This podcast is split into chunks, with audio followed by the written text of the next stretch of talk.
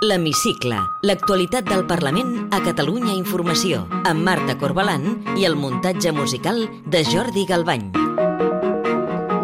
El Parlament ha posat fi aquesta setmana a l'etapa de Laura Borràs com a presidenta. La mesa de la cambra li ha retirat l'escó de diputada després que la Junta Electoral ho ordenés perquè Borràs està condemnada per prevaricació i falsedat documental pel cas de la institució de les lletres catalanes. Ara s'obre la pugna per rellevar-la. Divendres que ve el Parlament triarà la persona que estarà al capdavant de la segona institució del país. Avui entrevistem el portaveu d'en Comú Podem, David Cid. Benvinguts a l'Hemicicle. El Tribunal Suprem ha tombat el recurs que va presentar el Parlament per posposar la retirada de l'escó a Borràs fins que la sentència fos ferma el Suprem ha decidit que no s'ha d'aturar la resolució de la Junta Electoral i això ha forçat la mesa a prendre la decisió de deixar-la sense l'acte de diputada amb els vots a favor d'Esquerra, el PSC i la CUP i el vot en contra de Junts. En una entrevista a Catalunya Ràdio, la ja expresidenta del Parlament, Laura Borràs, ha carregat amb duresa contra la decisió de la mesa. Jo no estic parlant de que s'equivoquin o no. Fer una cosa que vulnera els drets dels electors em sembla que és una cosa molt greu. És més que un error, és molt més que un error. I fer-ho en un context de repressió en el qual tu mateix ets un actor eh, d'aquesta repressió també em sembla greu. És un Parlament eh, genuflexa, és un Parlament eh, sotmès, tan sotmès que fins i tot s'apliquen la repressió eh, de manera mm, proactiva. A partir d'ara s'obre el debat de qui ha de rellevar Laura Borràs. Es triaran un ple divendres de la setmana que ve i tot fa preveure que la presidència seguirà en mans de Junts perquè Esquerra ho facilitarà. Un dels noms que estan sobre la taula és el de la diputada i exalcaldessa de Vic, Anna R, però formalment el partit encara no ha decidit res. També hi ha el nom d'Antoni Castellà, que entrarà com a nou diputat de Junts per Catalunya en substitució de Borràs. Però per evitar que la presidència segueixi en mans de Junts, el PSC i els comuns presentaran batalla i proposaran els seus propis candidats. L'actual vicepresidenta segona del Parlament, Assumpta Escarp, serà la candidata dels socialistes. Alicia Romero és la portaveu del grup parlamentari del PSC. Nosaltres presentarem el nostre candidat, som el grup més eh, nombrós de la cambra, el primer grup de la cambra, i creiem doncs, que tenim una possibilitat no?, de, que, de que puguem tenir aquesta presidència, per tant, jugarem fort en aquest sentit. Els comuns presentaran el diputat Joan Carles Gallego com aspirant a la presidència. El portaveu d'en Comú Podem, David Cid, vol evitar de totes totes que Junts segueixi comandant la segona institució del país. Nosaltres considerem també que davant d'aquesta situació que la presidència del Parlament de Catalunya no pot ser per designi diví, és a dir, passi el que passi, una presidència de Junts per Catalunya. La votació del nou president o presidenta es farà divendres que ve i es posarà així fi a gairebé un any d'interinitat al Parlament. La retirada de l'escó a Laura Borràs s'ha produït en plenes negociacions entre Esquerra, Junts i la CUP per recuperar una certa unitat independentista de cara a les eleccions generals del 23 de juliol. El president de la Generalitat, Pere Aragonès, ha proposat aquesta setmana un front unitari del sobiranisme davant l'auge del Partit Popular i Vox a les eleccions de diumenge passat que veu com l'avançala del que pot passar a la Moncloa després del 23J. L'hora és greu i cal defensar Catalunya. El govern de la dreta i de l'extrema dreta espanyoles que vindrà a l'Estat representa un atrac frontal contra els pilars bàsics i els consensos existents al nostre país. El cap de files de Junts al Parlament, Albert Batet, veu encertat recompondre la unitat, però feia aquest avís a Pere Aragonès. Valorem molt positivament la rectificació. Estem davant d'una nova oportunitat.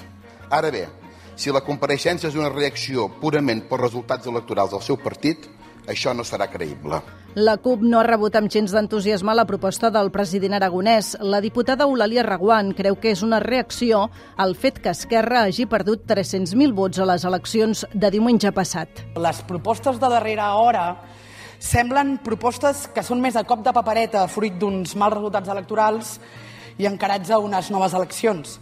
La cap de files dels comuns, Jessica Albiach, ja ha descartat formar part d'aquest front. Responent a la seva invitació, evidentment després parlarem, però nosaltres amb Junts per Catalunya no anirem ni a la cantonada. El cap de l'oposició, el socialista Salvador Illa, lamenta que el president aragonès no compti amb el PSC per aquest front democràtic. Se'm fa difícil, ho dic amb molta humilitat, amb moltíssima humilitat, crec que n'he donat mostres al llarg de la meva trajectòria política, però se'm fa difícil pensar en consensos a Catalunya al marge del primer partit de Catalunya. La diputada del Partit Popular, Lorena Roldán, i el president de Vox, Ignacio Garriga, estan convençuts que els seus partits guanyaran el 23 de juliol i que no hi haurà cap front que valgui. El filón que tienen con Sánchez no va a durar eternamente. Y el domingo los ciudadanos ya dimos un primer aviso. Y el 23 de julio, con suerte, vamos a acabar con el sanchismo y con el chollazo que tienen con él. Los resultados de Vox confirman la tendencia. En Cataluña hay un anhelo de cambio y de esperanza.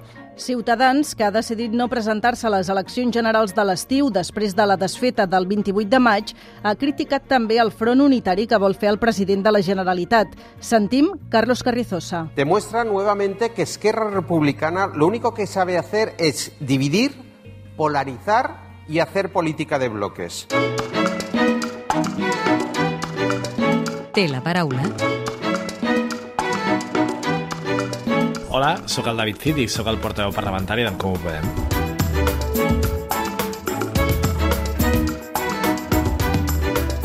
Comencem, si li sembla, parlant del Front Democràtic del Sobiranisme que ha proposat aquesta setmana el president Pere Aragonès. En Comú Podem ja ha descartat formar part de qualsevol front on també hi hagi Junts per Catalunya. Tampoc estarien disposats a compartir, per exemple, un programa electoral de mínims on es defensessin els drets i les llibertats del país? Jo crec que no, nosaltres hem estat clars, no participarem de cap front independentista i, evidentment, nosaltres no compartim que ara mateix el que necessita Catalunya sigui no, refer una suposada unitat de l'independentisme com a principal resposta davant dels reptes que tenim, eh, com fer front a les desigualtats, com lluitar contra l'emergència climàtica, també de la relació entre Catalunya, Catalunya i Espanya. Nosaltres tenim un projecte propi des d'en Comú Podem i també des de Sumar eh, per refer aquest pacte territorial i amb aquesta proposta ens presentarem a, a les eleccions eleccions generals i a més a més creiem que el que ha fet el, no, el president Aragonès és una fugida cap al passat. És a dir, crec que aquesta legislatura si una cosa ha demostrat és que la unitat independentista no existeix i que evidentment no hi ha un projecte de, de país compartit per les forces independentistes i només cal veure no, les constants eh, baralles que, que han tingut en aquesta legislatura. Per tant crec que és una proposta que no té, no té recorregut i sobretot a nosaltres el que ens preocupa més és que el discurs del president Aragonès és que dona per perdudes les eleccions generals generals a, a, a Catalunya i nosaltres entenem que la millor manera de defensar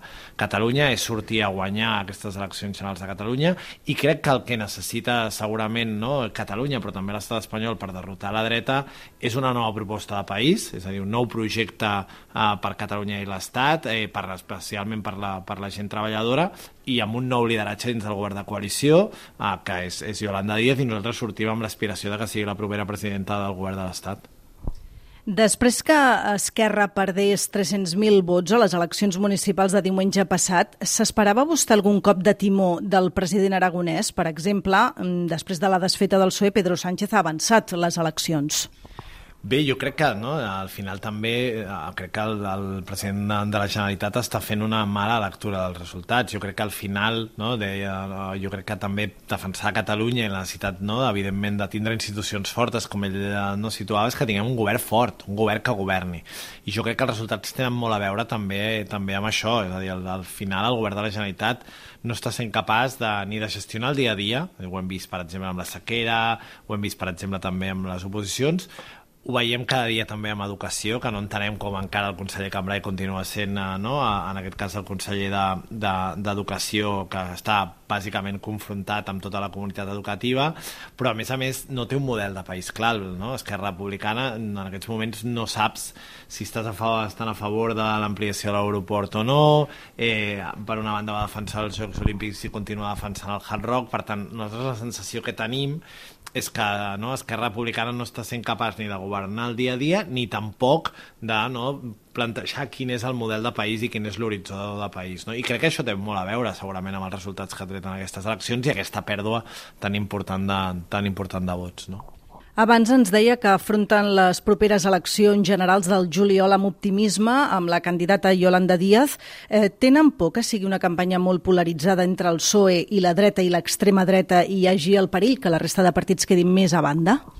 Jo crec que sí, hi ha possibilitat de reeditar el, el govern d'esquerres a nivell de l'Estat, que crec que seria una bona notícia per Catalunya i també no, pel conjunt de l'Estat i sobretot pels, pels ciutadans i ciutadanes i aquells que tenen més dificultats per arribar a final de mes, és clau el resultat de, de, no, de sumar d'en Comú Podem i de, i de Yolanda Díaz. No? I per tant, jo hi deia abans, no? és a dir, aquestes eleccions, eh, l'única manera de, no, de, de derrotar a la, a la dreta i de, no, i d'evitar aquest govern de, de, de PP i de Vox és que hi hagi eh, un nou projecte de país, per tant una nova proposta que reculli la, les millors polítiques que ha fet el govern de l'Estat, el salari mínim, la llei de regulació del lloguer, la pujada de les pensions del 8,5 o la reforma laboral, que són polítiques que no s'havien fet mai i que tenen a veure amb la presència de Yolanda Díaz o dels comuns a dins de, del govern de, de l'Estat, i l'altre, evidentment, que sigui capaç de plantejar eh, nous horitzons, que sigui capaç de plantejar un projecte per a la propera dècada, que és el que vol fer Yolanda Díaz, amb un nou lideratge. Jo crec que, sincerament,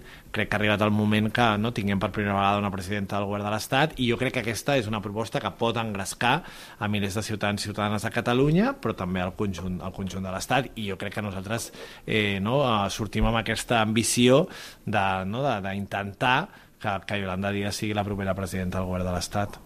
Si l'aritmètica parlamentària ho permetés, vostè seria partidari després del 23 de juliol de reeditar un govern d'Unides Podem i del PSOE?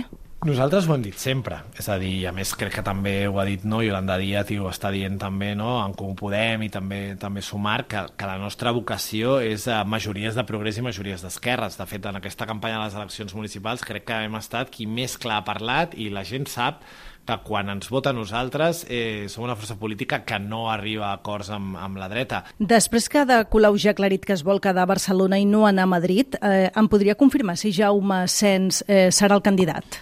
jo crec que, no, que, que ara mateix nosaltres estem centrats sobretot en, no, en, en construir eh, no, aquest gran acord, eh, no, en posar-nos tots darrere de Yolanda Díaz i tots eh, no, a ajudar a construir i sumar crec que ara és, eh, no, aquesta és la màxima prioritat, sabeu que en els propers dies s'ha de tancar l'acord de coalició i després entrarem també amb el tema llistes, que la veritat és que no, també tot just la premura de convocatòria electoral no, no, no, no hem entrat i en tot cas, per tant, a partir d'aquí entrarem després amb el tema de, de, la, de la llista, també aquests dies hi ha hagut molts, no, molts rumors al voltant de si l'alcaldessa es presentaria o no, jo crec que no, anirem pas a pas, primer, en tot cas, el que farem no, és eh, treballar eh, no, perquè tothom eh, es posi darrere de Yolanda Díaz, perquè tothom no, contribueixi a construir sumar, i llavors a partir d'aquí doncs, serà quan entrarem en tot el tema de llistes eh, tant a Catalunya com al conjunt de l'Estat.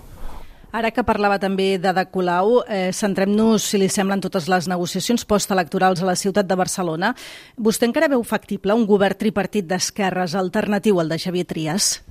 És que jo no entenc no, eh, per què es pot llançar aquesta idea que el millor que li pot passar a Barcelona és que tingui un alcalde de dretes com Xavier Trias o que el millor que li pot passar a Barcelona és que torni Convergència. No, no ho dic jo, ho diu el propi Trias que reivindicava no, a Convergència. A mi em preocupa, evidentment, eh, no, aquest gir eh, d'Esquerra d'Esquerra Republicana. Crec que molts militants no, no hi estan d'acord, hem vist l'article aquest de Joan Tardà. També em preocupa, no, a banda de Barcelona, aquesta voluntat no, que tenen d'entregar de, nou eh, la presidència del Parlament a, a Junts per Catalunya i nosaltres aquí també emplacem tant Esquerra Republicana com el Partit Socialista i, i la CUP a seure i trobar una persona de consens i d'esquerres que pugui liderar el Parlament, però tornant a Barcelona sí que crec que no, al final tenim una clara majoria d'esquerres i jo crec que en aquest context d'onada no, de, de retrocés, aquesta onada de dretes que tenim al conjunt de l'Estat, però també a Catalunya, on malauradament ha crescut la dreta, no s'entendria eh, que no, una ciutat que és eminentment d'esquerres i que té una majoria de regidors, 24 regidors que són de formacions polítiques d'esquerres, fóssim incapaços de posar-nos d'acord eh, i que per tant no, eh, entreguéssim a, a la dreta, que només té 11 regidors, la ciutat de, de Barcelona. Ens endinsem ara, si li sembla, en el terreny més personal i ara ja li demano si pot contestar amb respostes al màxim de breu possibles. Quin diputat o diputada d'un altre grup, ideologia a banda, fitxaria per en Comú Podem? Tot i que darrerament m'ha fet el salt, però tothom ho sap, a Alicia Romero no, de fitxaria, i ella ho sap, tot i que últimament bueno, hem tingut algun desencontre. Recorda què volia ser de petit? Jo crec que volia ser, sí, bueno, no sé si, si bomber o alguna cosa així. Quina llei li agradaria que aprovés el Parlament aquesta legislatura? M'agradaria molt aprovar, per exemple, la llei de territori. Com desconnecta del Parlament? M'agrada molt fer esport, no? Eh, m'agrada molt la, la bicicleta. Té algun paisatge favorit? Segurament eh, no, al Cap de Creus. I ja per acabar, completi la frase següent. El que més m'agradaria del món és... Bueno, el que més m'agradaria del món segurament és que tinguéssim un món més just. David Cid, portaveu del grup d'en Comú Podem al Parlament, gràcies per atendre'ns a l'hemicicle de Catalunya Informació. Gràcies a vosaltres. Podeu tornar a escoltar l'hemicicle al web catradio.cat barra hemicicle o al podcast del programa i seguir l'actualitat del Parlament al perfil de Twitter arroba L-hemicicle.